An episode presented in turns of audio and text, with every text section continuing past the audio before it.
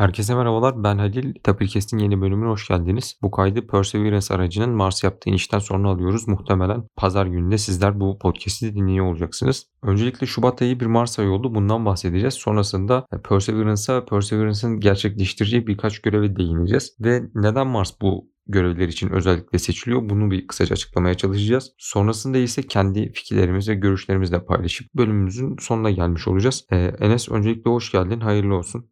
Hoş bulduk. Yani bütün dünyaya hayırlı olsun diyelim. Aynen öyle. Şu bilgiyi de paylaşalım. İnişi canlı olarak NASA'nın resmi YouTube hesabından yaklaşık 2.3 milyon kişi izliyordu. Evet, evet ben de en fazla 2.3 gördüm şeyin NASA'nın resmi YouTube hesabından. Ama şöyle bir şey var. Ee, sadece NASA'nın kanalı değil pek çok farklı kanal yayın yapıyordu. Yani toplamda acaba kaç milyon kişi kaç farklı dilde izledi? Bu sonrasında büyük ihtimalle paylaşılacak bir bilgi olacak. Çünkü hani Türkçe yayın yapan kanallar da vardı. Orada da yaklaşık 100 binleri falan gördü diye düşünüyorum. NASA hem İngilizce hem de İspanyolca yayın yapmış bu sene. Normalde hep İngilizce yayın yapıyordu. Ama dediğin gibi e, birçok ülke var. Tabii dediğin gibi farklı dillerdeki bütün kanallara hesaba kattığında oldukça yüksek sayıda insana ulaşmış olacak diye düşünüyorum. Ee, bir de ek olarak şey vardı mesela JPL'in kendi YouTube sitesinde 360 e, derece bir kamera ile o operasyon merkezini e, bütün görev boyunca canlı olarak yayınladılar. O da bence ayrı bir yani düşünülmüş, üzerine tartışılmış büyük ihtimalle ayrı bir güzellikti. Şimdi yavaş yavaş asıl konumuza gelmek istiyorum. E, 2021'in Şubat ayı bir e, Mars ayı oldu. Bu ayda Birleşik Arap Emirlikleri ve Çin Mars'ın yörüngesine araçlarını soktular. Sonrasında ilerleyen zamanlarda e, Çin'in aracı bir inişte gerçekleştirecek diye biliyorum. Birleşik Arap Emirlikleri'nin aracı ise çalışmalarını orbitte yürütecek. Ama bu baktığı zaman Birleşik Arap Emirlikleri için büyük bir başarı olarak nitelendiriliyor. Çünkü ilk defa böyle bir e, görevi gerçekleştiriyorlar. E, NASA'ya kıyasladığımız zaman tecrübeleri oldukça az diyebiliriz. NASA ilk e, rover'ı Mars'a 97 yılında göndermiş. Yani bizle yaşıt diyebiliriz. Yani ben 97 doğumluyum. E, yani adamlar biz doğduğumuz sene Mars'a bir e, rover gezgin diye mi çeviriyoruz tam onu rover dedim de. Gezgin diye çevrilebilir. Yani aklıma o geldi direkt. E, işte aracı gezgini e, ilk defa 97 yılında göndermişler. E, bu tecrübelerin üstüne de Perseverance bugün başarıyla indi. Yine tamamen otonom olarak yapay zeka ile destekli bir şekilde inişi gerçekleştirdiler. Hatta bu sefer şöyle bir ayrıntı paylaştılar. İniş sırasında kameralar ile yerin canlı görüntüsünü alıp nereye ineceğini görüntü işleme teknolojileri kullanarak çok daha iyi bir şekilde belirlemek, yönlendirmek için e, içinde bir e, algoritma geliştirmişler, bir yazılım geliştirmişler. Bu sayede tam olarak istedikleri yere inmeyi başardılar diye bir duyuru yapıldı. İzlediğimiz kadarıyla, gösterildiği kadarıyla iniş gerçekten e, zordu ve pek çok farklı aşamadan oluşuyordu. E, inişte atmosfere girdikten sonra ilk önce bir paraşüt açılıyor e, yavaşlatmak için. E, sonrasında paraşüt ayrılıyor ve bir itiş gücüyle, itişle e, aracın yere yaklaşım hızı iyice yavaşlatılıyor. Araç yere iyice yaklaştığında bu üstteki parça, itiş sağlayan parça e, bir çelik halat ile rover'ı biraz daha yere yakın bir e, mesafeye getiriyor.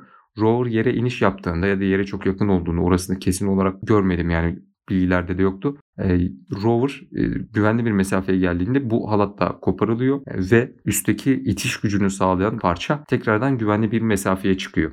Rover da yere böylece inmiş oluyor ve e, ilk birkaç dakika kendi kontrollerini yapıyor. Sonrasında yapılacak ilk işin bu üstünde e, görmüşsünüzdür fotoğrafından kamerayı taşıyan bir e, nasıl diyeyim parçası var. Onu kaldırmak olacağı söyleniyordu.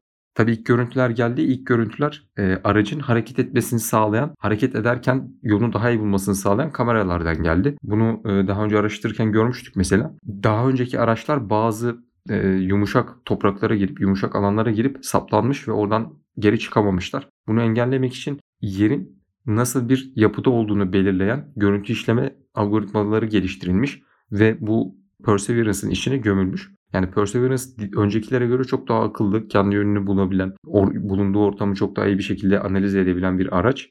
Üstündeki teknolojiler saymakla bitmiyor. Bugün gördük yani canlı yayını uzun bir süre takip ettik. Pek çok farklı teknoloji var, pek çok farklı araç var. Ee, pek çok farklı mühendisliğin bir araya gelip çalışmasıyla ortaya çıkmış bir ürün. Zaten kendi özelliklerinde ilerleyen zamanda detaylıca bahsedeceğiz. Perseverance'ın birçok görevi var.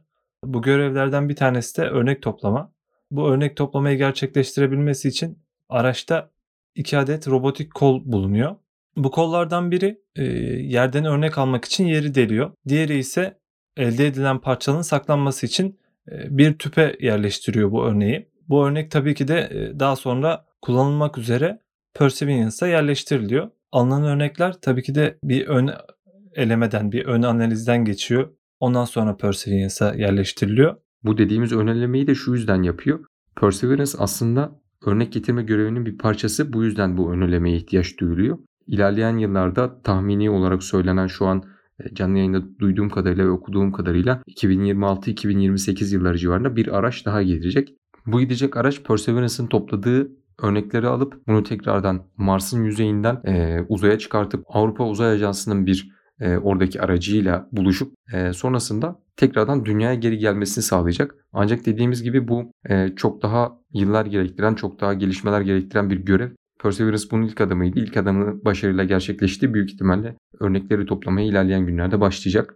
Perseverance'ın diğer görevleri ise atmosferdeki karbondioksitten oksijen üretimi sağlamak. Mars'ta bulunan donmuş sular incelenecek e, ve bu suların analizi yapılacak. Ve e, ilk defa dünya dışında bir gezegende helikopter e, uçurulmaya çalışılacak.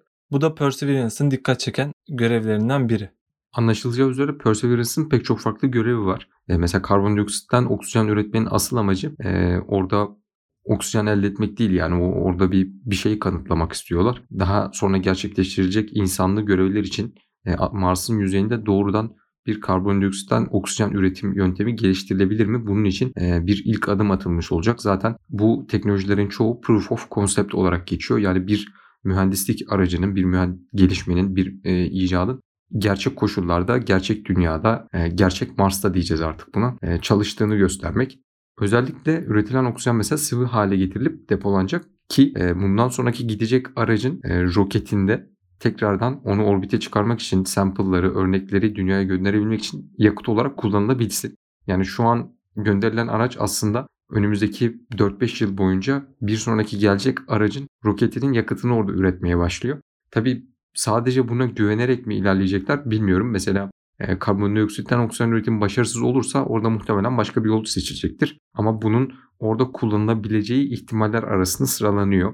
Yine aynı şekilde helikopterin çalıştırılmasının amacı da e, bu teknolojinin orada çalıştırılabileceğinin bir kanıtını göstermek, bir e, doğrulamasını yapmak. Daha önce Mars'ın üzerinde ya da dediğin gibi gezegende bir hava aracı uçurulmamış, helikopter uçurulmamış. E, bu yüzden sadece simülasyon verileri elimizde var. Bu simülasyon verileri ile yapılan teknoloji, geliştirilen teknoloji acaba gerçekten orada çalışacak mı? Bunun denemesi yapılacak. Tabii bu işlerin arasında en önemlisi örnek toplama olarak geçiyor. Çünkü örnek toplamayı aslında bir yaşam arayışı var mı? Orada bir yaşam formu oluşmuş mu daha öncesinde? Bunun tespitini yapabilmek için gerçekleştiriliyor.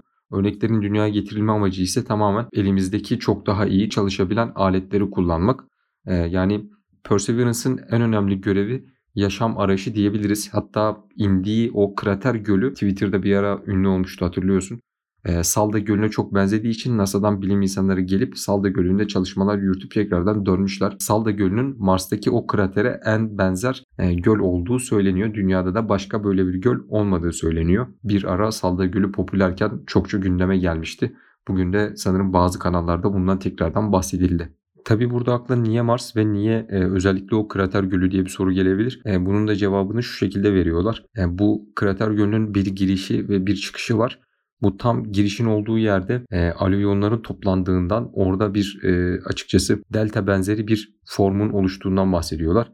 Buranın da minerallerin çokça toplandığı ve e, yaşam formlarının bulunabileceği bir alan olarak e, tespit etmişler ve bu yüzden oraya bir operasyon düzenliyorlar diyebiliriz aslında. Peki neden Mars sorusu aklımıza gelirse e, Mars bizim gidebileceğimiz en yakın gezegen. E, seyahat yaklaşık 6,5 ay sürüyor diyebiliyorum.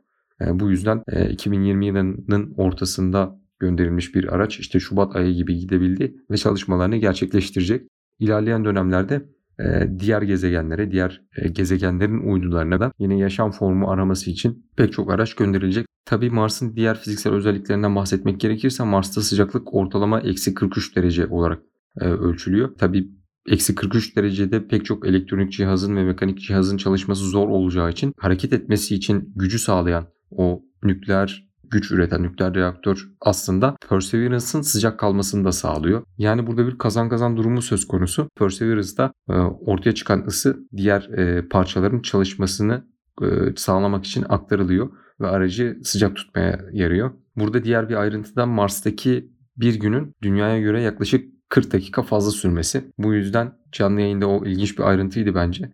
Şu an operasyonları yürütecek, Perseverance'ın kontrollerini ve işlemleri yapacak ekip her gün e, mesaisine yaklaşık 40 dakika daha geç başlayacakmış.